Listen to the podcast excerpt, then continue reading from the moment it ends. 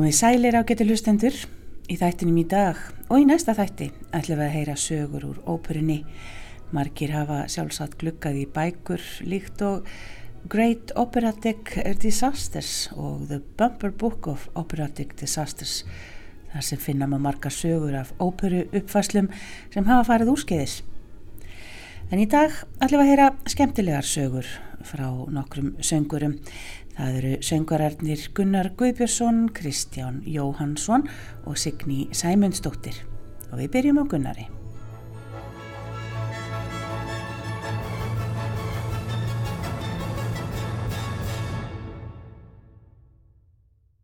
Það er komin ímislegt fyrir á þessum árum sem maður verður að syngja.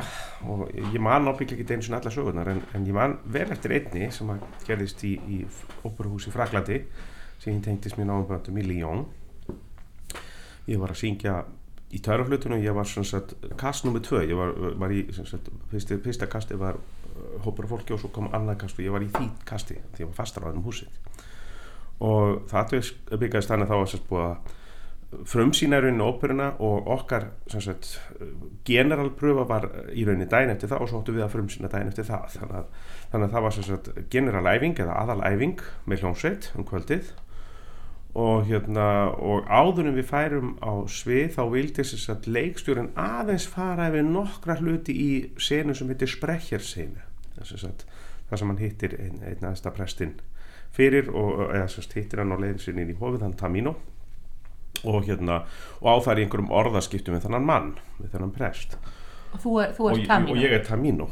Og sagt það er eitt staður í í þessari senu það sem að hérna, sem þessi maður segir, þessi sprekkjar segir við Tamino af því að þeir, þeir eru eitthvað svona orðaskildi er svona halgættir yfirildi að þá segir hérna, nei stoppaðu nú. Ef þú sko þykir væntu um líf þitt þá skaltu stoppa nú.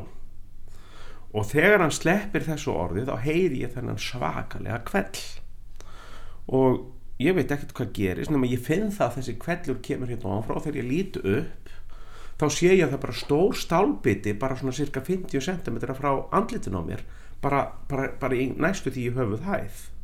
Þannig ef ég hefði farið metra lengra þá hefði ég fengið þennan stálbita í höfuðið og væri ekki að segja þessa sögu hér í dag.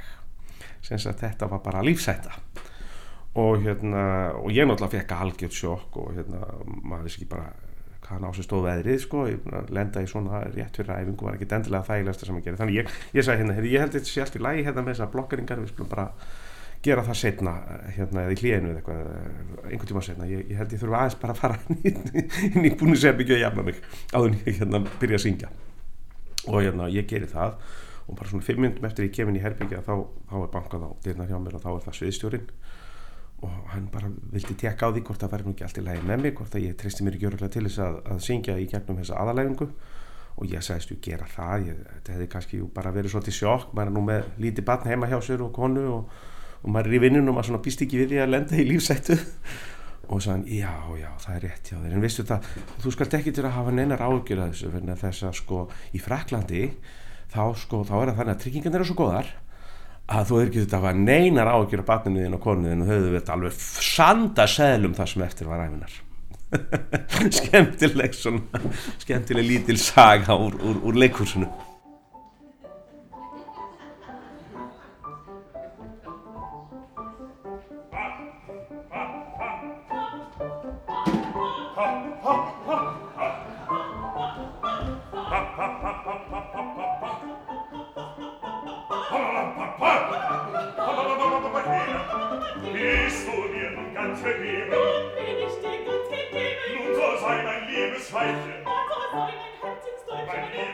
mein liebes Weibchen, welcher Freude wird das sein?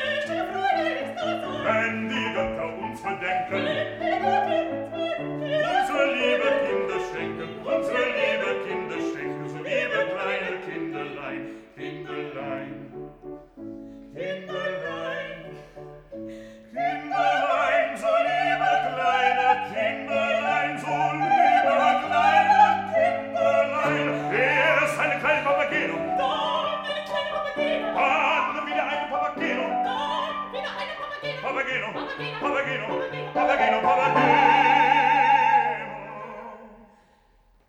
ist das höchste der Gefühle.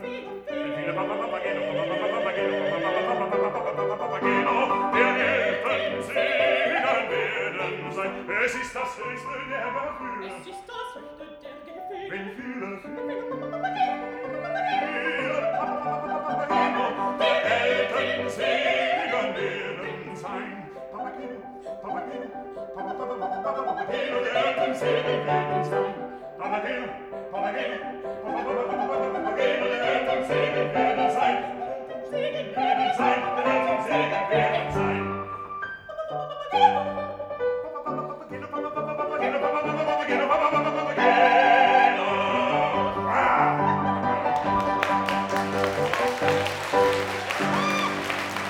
Mér langar að segja frá því ævintýrinu sem var til þegar Íslenska óperan var stopnuð og það, fyrsta sýningin var reyndar sínd í Háskóla Bíó 1979 ef ég maður rétt. En fyrsta sýningi, sýningin í heimkinum Íslenska óperuna, fyrstu heimkinunum var í Gamla Bíó og það var síkunabarnin sem var settur þar á, á svið. Og þetta var mikið ævintýri. Mikið ævintýri að koma þessari óperu á, á fjallirnar því að það var verið að hérna, undirbúa húsið, það var náttúrulega húsið var, eh, var ekki tanna náttúrulega sem óperuhús en það var það búið til sem slíkt. Og það var verið að vinna í sviðinu, í salnum og í, í hólumstakrifjunni og, og búinsherbygginu raunverið fram á síðustu mínútu. Það var verið að riksuga rétt áður en að fyrirmyndsleika gengu í salin mikið ævintýr og mikið spenna í loftinu allan tíman og svo var sýningin flutt og, og, og hérna fyrir fullu húsi og, og sló rækilega í gegn og það voru uh, fluttar fleiri tugir sýninga þarna þessi fyrsta ópera. Og ég var svo lánsum að fekk að taka þátt í þessu. Þá var ég bara kórstúlka en fekk lítið hlutverk.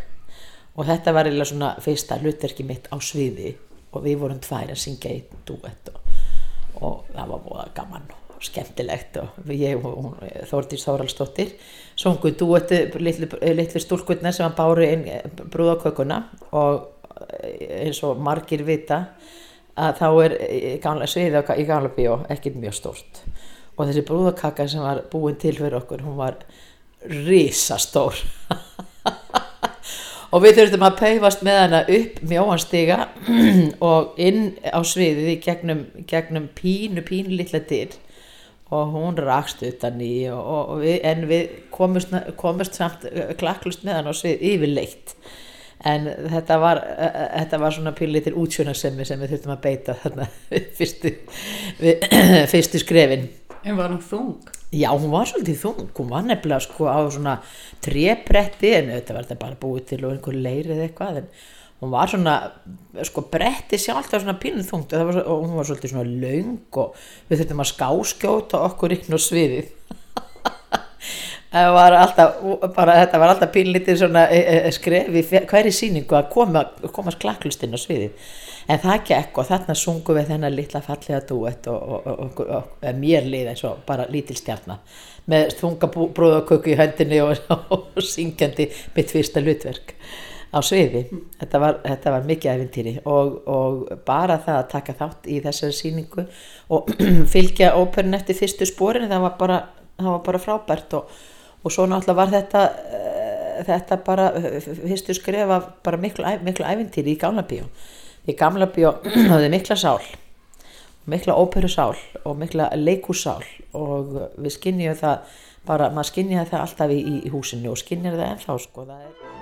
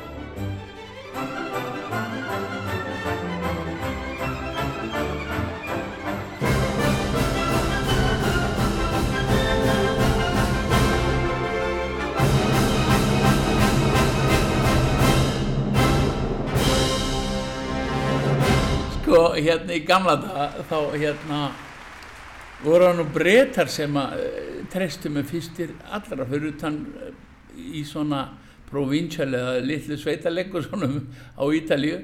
Það voru svona eh, fyrstu stærri hérna leikur sem að treystu mér eru breytar og, og ég gerði hérna fyrsta samningu 1980 við English National Opera herðu og ég er að syngja Tosca. Og það er ofsalega gaman. Elisabeth Vaughan var Tosca mín og var eitthvað 20-25 árum eldri ég. Og ég elska þessar eldri konur og ég fekk nú eina Tosca líka á Íslandi sem var vel, ég minnskust 20 árum eldri ég þannig að þetta er al, algengt fyrir mig. Og ég er ekki að kvarta. En allavega þá eru við þarna í Tosca og, og syngjum í já, förum á túrum England og syngjum í Leeds og við syngjum í, syngjum í Manchester og Birmingham og Newcastle og, og, og eitthvað fleiri ég held mér að sjá á borgunum hérna hvað ég hétu nú? En allavega Grimsby og og Húl, nákvæmlega. Og þetta var gaman, þetta var bara skilda óperun að fara á túr um landið sem þjóðaróperu. Nú, svo við erum með þrjára óperur í gangi. Og, og það er sem sagt Madama Butterfly og það er Tosca og það er Rigoletto. Og svo erum við í Manchester og þá veikis Tosca mín. Og, uh, og það var sungið bara held ég fimm kvöldi í viku, ég mann rétt og það voru góður ráð dýr og stelpann sem söng Madama Butterfly var rauninu alveg frábær sönguna og, og hérna og hún er fengið til þess að syngja Tosca.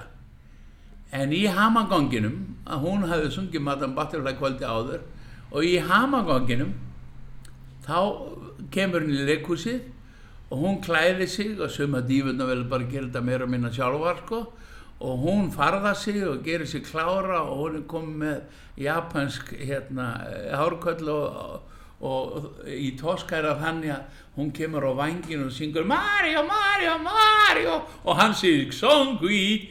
Og þá kemur hún með grand entras á, á, á, sem grandi dífa á sviði en hann, hérna, John Cop, uh, Koppel hann leikstýrði eitthvað fyrir Íslensk óperun líka mjög indislega hann leikstýrði þessari Tosca og hann sér að hún kemur í Madame Butler Cho-Cho-San gerfinu á vangin og þetta eru örfáa mínútur sem að hún á að fara að syngja Mario Mario og æðin og sviðið með látum.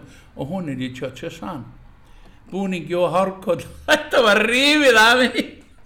Og á staðnum og, og, og það var sett á hana tóska hárkolla og, og skáaugu augun svona bara einhvern veginn bara dreift um allt andliti og hún kemur svona sviði og ég bara gæti ekki sungið og þetta er verið látur ég var gessan að látur kall hún kemur eins og monster inn á sviði og í tjóttjó sannbúni ég eftir ekki eldri svo leiti út í húsið og það var ah, hvað er að gera? Það var svo vitlisíkahæli og allt leikur sem skellir hló. Þetta var algjör brandari. En það er stundu svona að vera svona selfish að hérna gera þetta sjálfur sko. en, en mér finnst það var leitislegt að vera að setja farða mig og svona þetta er mínu bestu stundir. En svona voru þetta. Þurft að slá af. nei, það var haldið áfram og hún fór bara í búningin þetta fyrsta átt þetta var alveg brandari þetta er eitt af því sem ég mann best eftir. Og það er svo magna, ég glemti að segja það að, að þessi litli söngur Mario, Mario, Mario. Hann Coppola, hann var stund með hermeti Mario Callas og gerði það hansi vel. Og hann söng fyrir hana með að vera að nutta meikin út um allt andlit þá söng hann þess að tóna Mario, Mario og mér var strax að hvað er að gera þannig að þú þurfum ímyndið að hvernig leikur sem var en þetta jafnaði sér út til að vel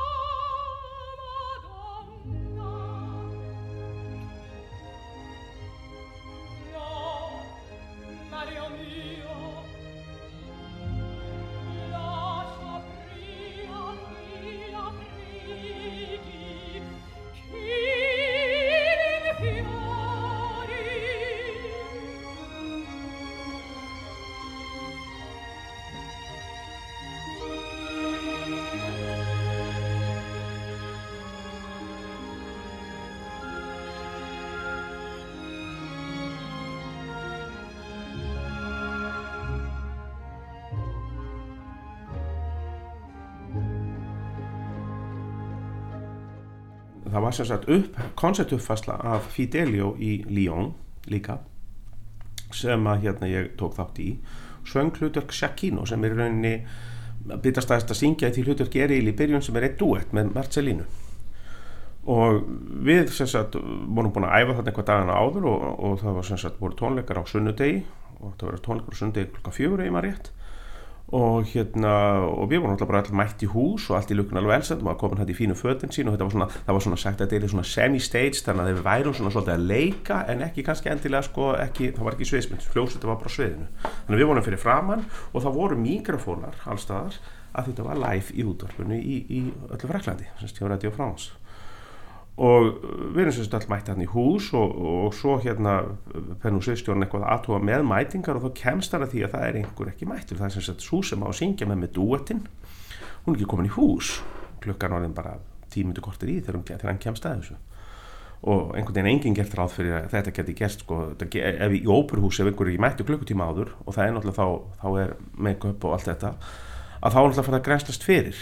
En, en það er svona konceptifæsla og það er ekki verið að setja á okkur make-up og, fara í búningabeint eða vorum bara einhver svona vennum casual-fötum og þá er náttúrulega enginn aðtóðan eitt einhvern veginn og það er bara engum hugnast að skoða þetta svona vel. Þannig að bara kort tímundir í þá var bara að komast að því að hún er ekki í húsi. Það er reynda að ringja til hennar og hún var gestur hún var sérst ekki uh, búsett í, í, í Lyon, hún var gestur á einhverju svona hóteli. Og það er reynda að ringja til hennar heim og hún svarar ekki. Og hérna og allt náttúrulega bara komið í, í sko bara hva- hver, get, kann þetta einhver í húsinu? Nei, engin sem kann þetta og, og, og, Við erum kallað út í líka. Já, einmitt. en svo bara svona fimm mínútur í þá náðir í hana þá er hún bara ný, þá er hún komin í, í inn á hóteli eftir að vera búin að vera í labbitúr og hún segir bara, "Heyrðu, ég er bara hleyp, ég er bara hleyp í fötin og, og koma. Þú veist þú reddast. En býta hverju var hún svona sein? þá bara hafði hún bara miskili tíman hún að þetta átti að vera klukkan 19 á kvöldið. Og, og, og þá segir sér satt stjórnandinn í þessu tilfelli Kent Nagano að það sé nú, þetta sé nú að hún hljótun að vera alveg þá að koma því að það sé nú alveg heill forleikur áður og svo er ég að lesa smá texta og það, hún hljóti nú, hún búin og svo stutt í burtu þetta hljóti nú bara vera allt í lægi en auðvitað náttúrulega er það ekki þannig, hún hefur náttúrulega farið í föt og allt, þannig að hún hefði náttúrulega þurft að býða en náttúrulega beitni útsendingu í, í útvarfi þá var það ekki mjög auðvelt eins og þú kannski tekið manna best.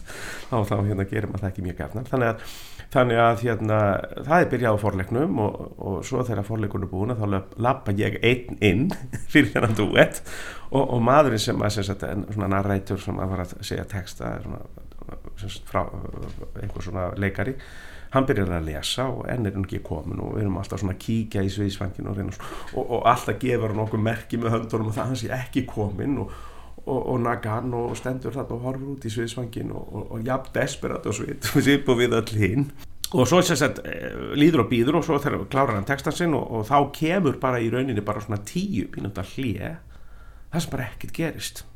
Ábyggleinar 5, 7, 8, 9, 10 myndur það var eins og klukkutími. En, en, en þarna byðum við og svo kemur hún alveg sko, greinilega sko alveg í paniki og svona hálf skakklapast og þá loksins skatt kennagan á slegið hljómsveitin aftur í gang en þetta var, þetta var eitt af því bestu mómentu sem ég lífað á sviði. Það var að býða þetta svona einhvern veginn það, og manni fannst einhvern veginn svo skrítið sem það er sko, að þegar, þessi staða kemur upp þá finnst mann eins og maður sko sé sjálfur bara að þessu allir horfa á mig. Það vita allir að Shakino er með duett með henni sem er með prógrami fyrir fram að sig. Og, og manni finnst bara augu allra vera á sér og þetta var allt þér að kenna? Þetta var allt mér að kenna mér leys og til svo leys en ég en, ég þetta fyrir reddaðist þess að allt saman Það var bara svo, var svolítið löng, aðeins lengri þessi útsending heldur hún átt að vera. En ég veldi ég fyrir mér, var ekkit gert neitt? Var, var, var áhörendum ekki tilkynnt neitt? Eða? Nei, það var nefnilega svo skrítið.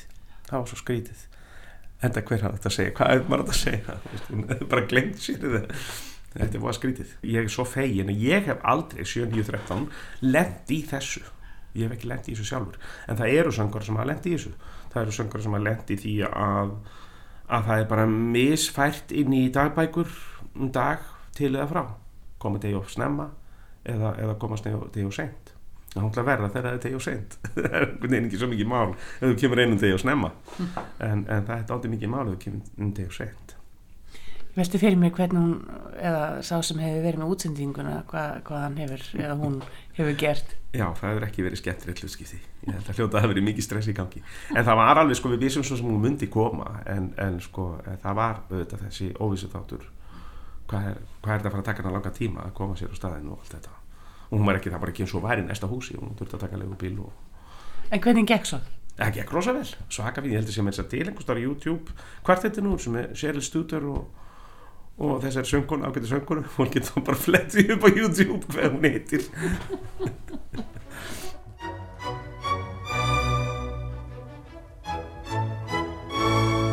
Jetzt, Schätzchen, jetzt sind wir allein. Wir können vertraulich nun plaudern.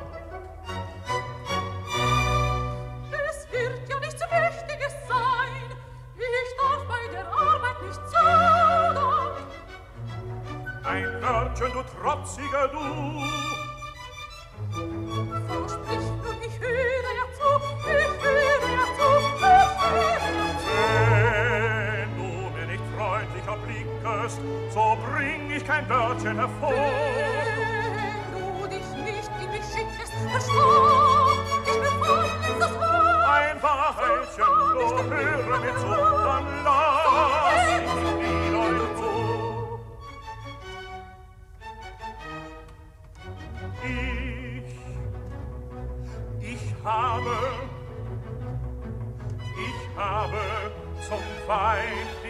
Gewählt, verstehst du? Das ist ja doch klar. Und, und wenn mir dein Ja-Wort nicht fehle, was meinst du? So sind wir ein Paar. Wir könnten in wenigen Wochen, Recht schön, du bestimmst schon die Zeit, du bestimmst schon die Zeit. wir könnten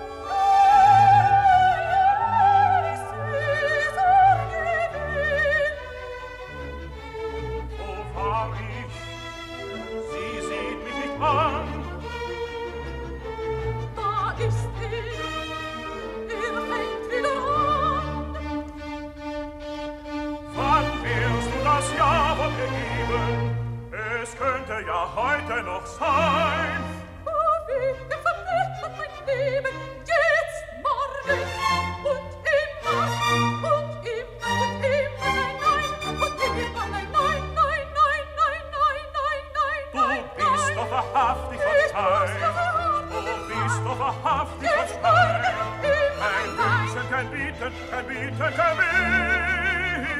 es mein. ja so hart mit ihm sein, ihr hört dem mindesten Schein. So, so wirst du dich nimmer, nimmer bekehren. Was meinst du? Du könntest umgehen. Wie? Dich anzusehen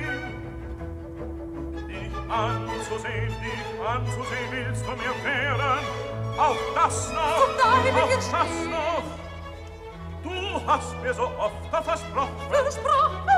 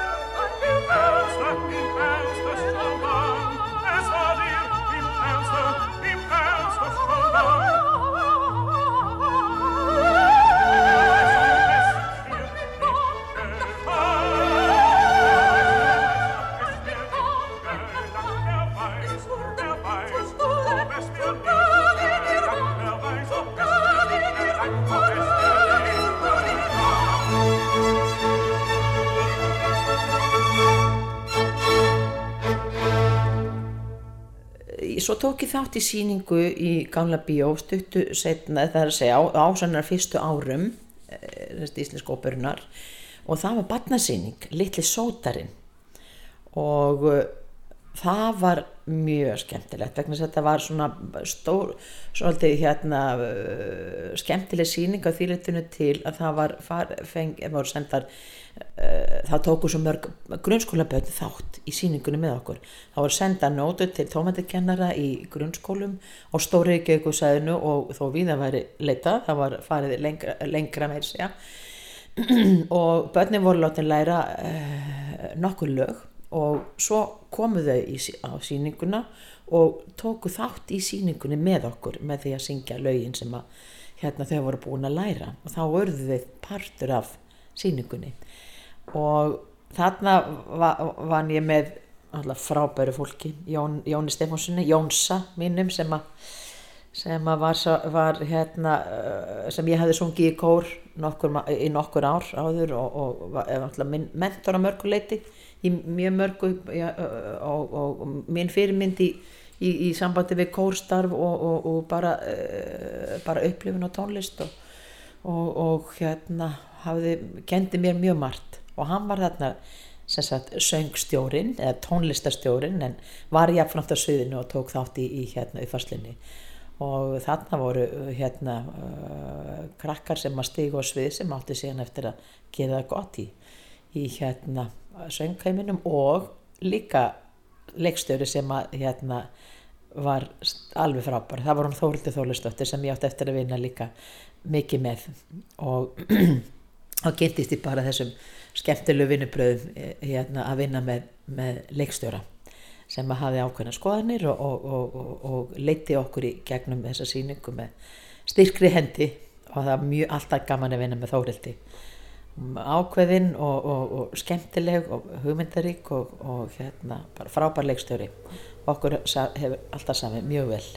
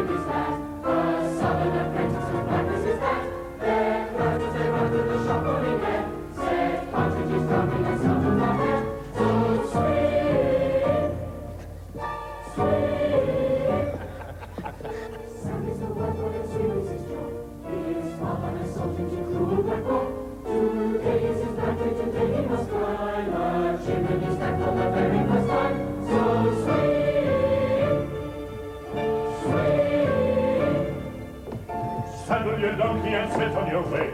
There's chimneys they sweep in at night into day. Bring brushes and scrapers and baskets and sacks. Harvest the slip of our Jiminy stacks. So sweet, sweet,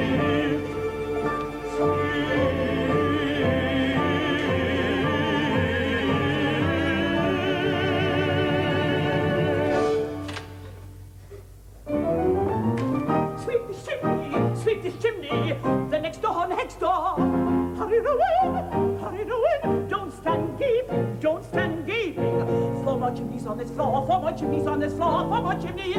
Four, four, give them all a furrow, all a furrow, screaming, screaming.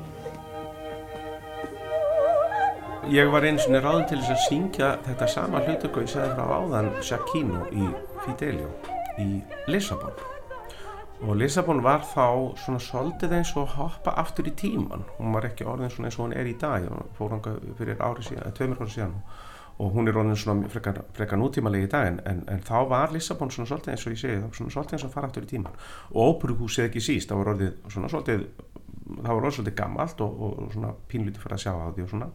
En það sem þeir gerðu er það að þau sko voru mjög hefðbundar uppfæslar en mjög flottar gerðu mjög flottar hluti. Og það var þarna sérst óperustjórun í húsinu sem að leikstýri þessari uppfæslu af Fidelio. Og fekk flotta söngvara til liðs við sig og, og eitt af því sem hann gerði í, í sérst í kringum, senunum í kringum Pizarro er það að hann fekk sérst, hann hafði þetta svona svolítið aktualiserað í tíma, gerði þetta svolítið mótel og hann fekk sérst hunda, sefurhunda til þess að hérna, vera á sviðinu og hann fekk ekki bara það.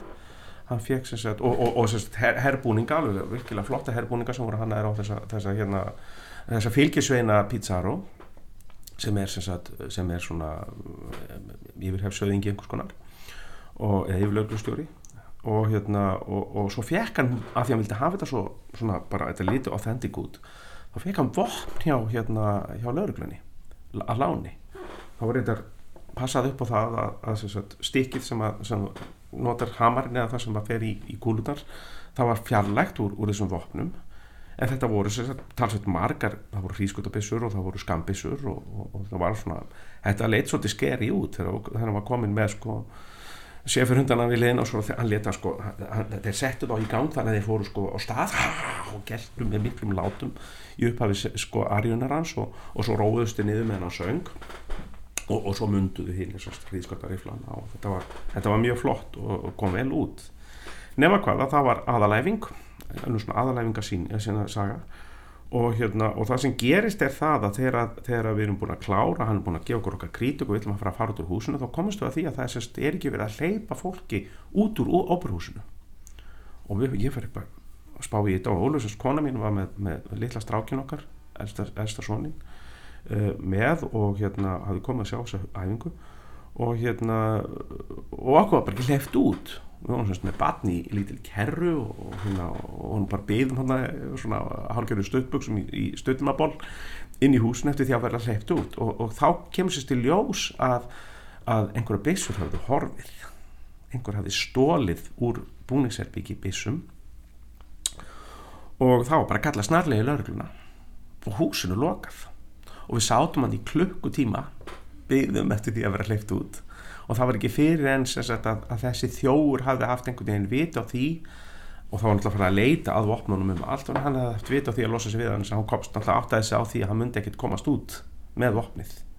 Þannig að hann faldi hann á einhverjum stað þar sem hann myndi auglustlega strax finnast. Og eftir klukkutíma þá voru gröllin hleyft út. En þetta var, var aldrei skrítið að, þetta var skrítið stemning sem myndaðist. Bæði var alveg svona pínlítið fólk var svona pínlítið að tala í gamansamum tóni þetta var okkveikjandi þetta var svona, svona pínlítið eins og enda allt í einu fangilsi og að því að náttúrulega Fidelio gerist í fangilsi þá var þetta svo sem ágætti svona kannski svona undibúningur fyrir, fyrir hérna það sem ég vændum var frumsýningin. Mm. en þetta var mjög skemmtilega tíma og mjög gaman að hafa verið í þessari uppfæðslu því að mér, ég, mér finnst ég alltaf að hafa svona uppleguð og óperu svona eins og var í gamla dag þegar ég tók þátt í þessu þarna. Því þetta var svona svolítið öðruvísi stemning heldur en það sem ég átt að venjast í, í Breitland og Þískalandi það sem ég hafði eiginlega aðalega sungið fram með þessu Þjóðurinn fannst aldrei? Þjóðurinn fannst aldrei, nei, nei. hann hefur sjálfsagt þurkað vel af byssunni fingraförin og, og passa, passað upp á það eins og ég segi sko að, að enginn myndi komast að neinu og það veit enginn, eða það var aldrei allavega upplýst ef hann hefur fundist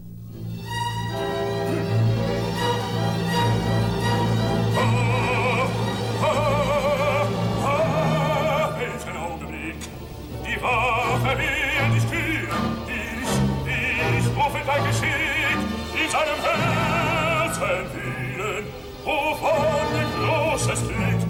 in seinem Herzen wühlen. Wovon, wovon ein großes Glück. Schon war ich, schon war ich im Staube, im lauten Sport zum Raube. Dahin, dahin, ja dahin gestreckt zu sein.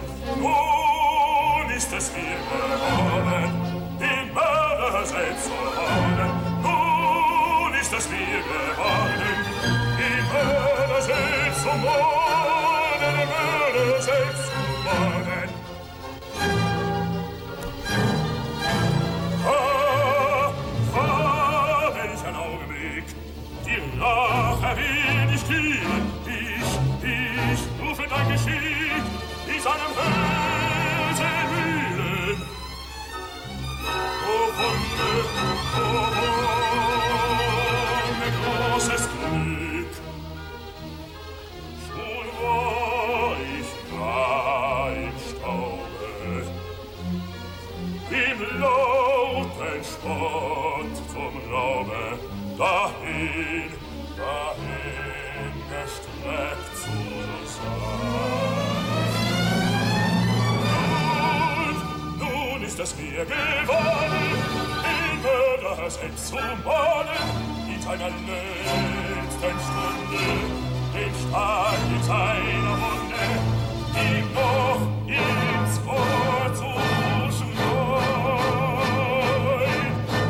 Triumph, Triumph, Triumph.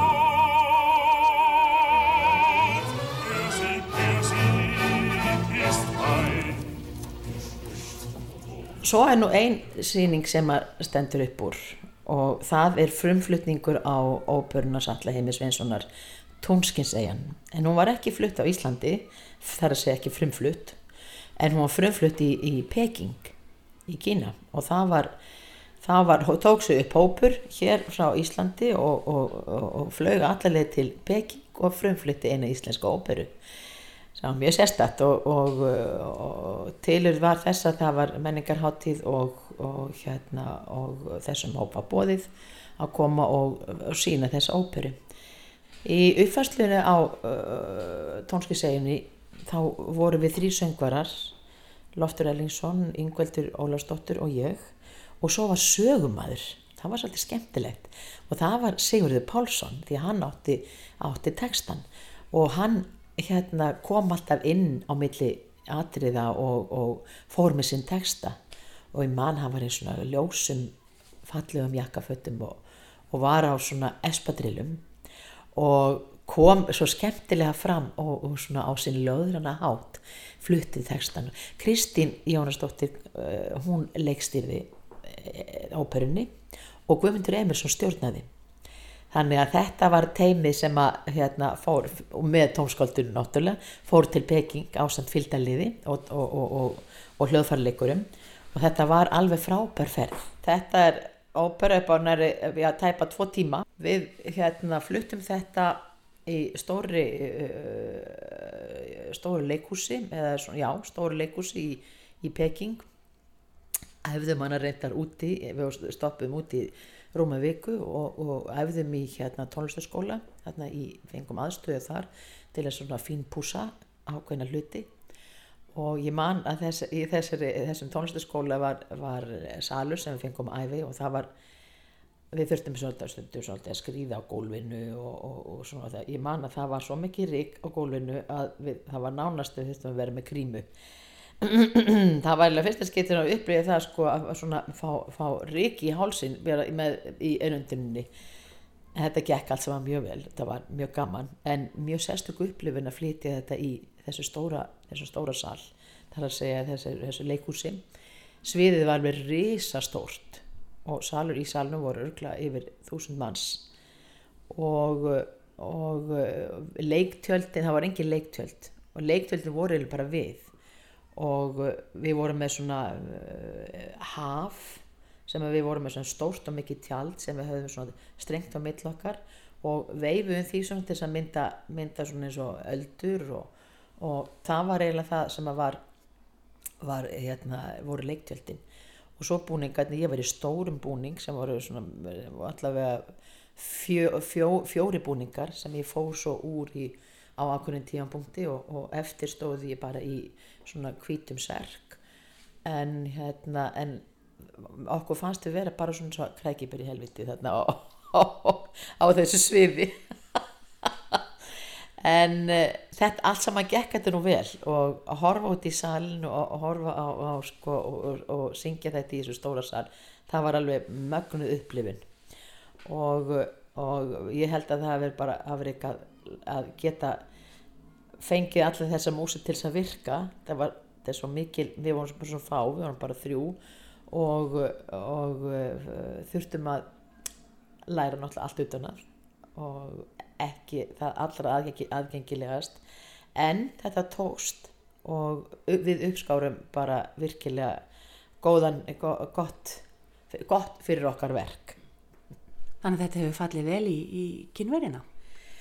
Já, við spurum það nú ekki að því en við tökum þetta voru góðar. Ég vonaði að líka þetta, þetta er nú alltaf allt flutt á íslensku og, og, og þetta er alveg svo við varum að hlusta á pekingóperu sumt er flott og sumt ekki. Þannig að ég veit ekki hvort þetta hefur, hefur uh, náð beint í hjartastað en kýmur er svo kurtis að þeim gengur ekki út. Svo voru nokkra sýningar hér í þjóðleikúsinu. Já, við fluttum það síðan þegar við komum heim þá fluttum við þetta hérna í þjóðleikursinu það var náttúrulega allt, allt aðra aðstæður og, og, og það var miklu meiri nálægð og það eru verið með tjöld og, og allt svona aðgengilegra, aðgengilegra. En það sem var kannski sem var eftirminnilegt í þessum sal út í Peking var það að þegar við vorum búin að sína þá fór maður uh, að taka, sa- tína saman dótið sitt og svona. Og þá komi ljós að það var mikill rottugangur baksviðs sem var ágætt að við vissum ekki af áður en við fórum að sína síninguna því að það, eh, mann hefði ekki liðið mjög vel á sviðinu. Vitandi það að, að það var, var eitthvað kveikt hann á bakvið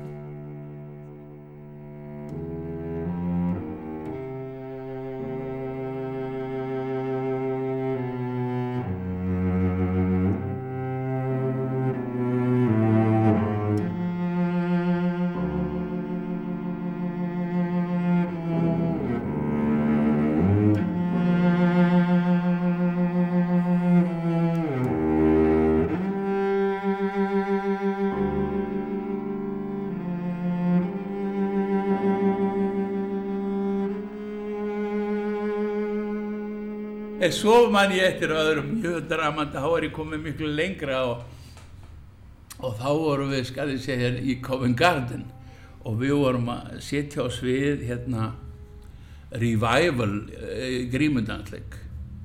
Þá hafði þessi production hafi verið gerð utanum sko, eh, Di Stefano, Giuseppe, fyrir þá eitthvað 30 árum áður og ég veit ekki hvað að Luciano var búin að syngja henni í mildtíðinni en allan það var 12-15 ár sem hún hafði ekki farið á svið. Þannig að hún var svona trattur eins og þetta væri new production. Og miklar æfingar og mikið game og ég menna hérna Michelle Kreider var soprann mér eh, hún var mikið með mig hún og Gulli Gina, svo rúsneska og sjálfur Bruzon Renato. Og, og þetta gekk, þetta var ofsalega gaman. Frábæri söngverar og við vorum með franskan sem ég ætla ekki að nefna stjórnanda sem að við sáum á fyrsta degi var gjössanlega handónýtur og hann var sagður reyndar Rossini sérfræðingur spesialist í Rossini. Og ég sé ekki að við áttum okkur ekki alveg á því hvað verði gamla að gera sko. En það var þetta algjört disaster en svo eins og kannski veist þá er ekkert farið í ljónsveit fyrir bara viku fyrir rumsýningu og við erum komin semst á, á prófa ítaljana þá er nú bara setja í stólunum sko. Og, og, og, og það er sungi bara eins og í concertversion og ég sá hljómsveitin var hann óbúrslega pyrruð og daginn eftir er, er hérna þá að leika og syngja eins og þetta væri sýning og það er bara þrý dagar eða fjórar í frumsýningu og genarbröð og við mætum hann að kláðum tíu morgunni á æfingu og allir tilbúnir og mennur konar svona í hálfbúninga með uh, máta búninga og skó og stífveli og svona dittin og dattina. Þannig að þetta farin allt saman vel á, á frumsýningu þetta geggjað leikus eins og þú veist herðu, svo líður ekkert nema hann slæðir inn hljómsveitina og, og ég er mjög stuttur forleikur og ég byrja eiginlega strax að syngja og svo kemur baritónin með Arju bara eiginlega alveg leið. Svo er hann bara í miðri eh, Arju, Renato Brússon sjálfur. Þá allt í hennu er slegið af hljómsveitinni. Og við lítum átt og annað og hvað fær að gerast. En það var ekki stjórnarnir sem sló af. Það var koncertmestarinn sem sló af. Og hann stóð á fætur og kalla bara krakkar komið öll á fund. Og hann bara tæmdist grifjan hljómsveitin bara fór og stjórnarnir stóð bara í húti og vissi ekki ráða sitt. Og, og hérna og svo tilkynnt bara í hljóðkerfuna þessi fjara tíma hérna hlið á, á æfingu þau komum eftir fjóra tíma. Byðum bara. Þá er engin hljómsveitstöri og þeir rák hann hann á, þessum tíma. Og hljómsveitin hún bara strækaði á hugsaði hvað eru sterkir. Jæja, og svo setjapartina er æfing og við komum mætum öll. Og þá er bara koncertmestari staðinn á fætur. Og hann bara bum, gefur downbeatið og það bara að fara að stað. Og ég hef aldrei heyrt í annan eins í minningunni, í annan eins hljósveit. Og ég get svarið að þeir svona hálstóðu úr stólunum, horfðu upp á sviði og það var allt saman hafðu ekkert, þeir hafðu ekkert með og við stjórnanda að gera. Allavega ekki eins og þessi en, en svo fengum við alls í góða hann kom Papano, hérna Antonio Papano í, og hljóp í skarðið. Fyrir frumsýning. fyrir fremsýningu, bara þrý dagar í fremsýningu þannig að þetta eitt, eitt annað, svolítið sorglegt æfindir, ekki mikið að hlæja því en þetta var samt fyndið sko. Og, og, og þannig að ég velti fyrir mig hvort hann hafi fengið að starfa eitthvað starf annars en þessi fraski. ég öruglega ekki Covent Garden Royal Opera House, það máttu bölvaði fyrir. Af því að það var alveg ljóst að hann reyði ekkert við það sko. Bara á fyrsta degi öllundur á fyrsta takti við skulum segja. En, en svona var þetta Ágættu hlustendur, við þökkum þeim Kristjáni Jóhansinni, Signíu Sæmundsdóttur og Gunnari Guðbjörnsinni fyrir þessar sögur. Endum hér á Aríu úr grímudansleik eftir Verdi og það er að sjálfsögðan Renato Brússon sem syngur. Í næsta þætti heyru við meðal annars í Hönnutóru Sturludóttur, Natalíu Drúsin Halldórsdóttur og Kristni Sæmundsinni. En þanga til, hafið það sem allra best.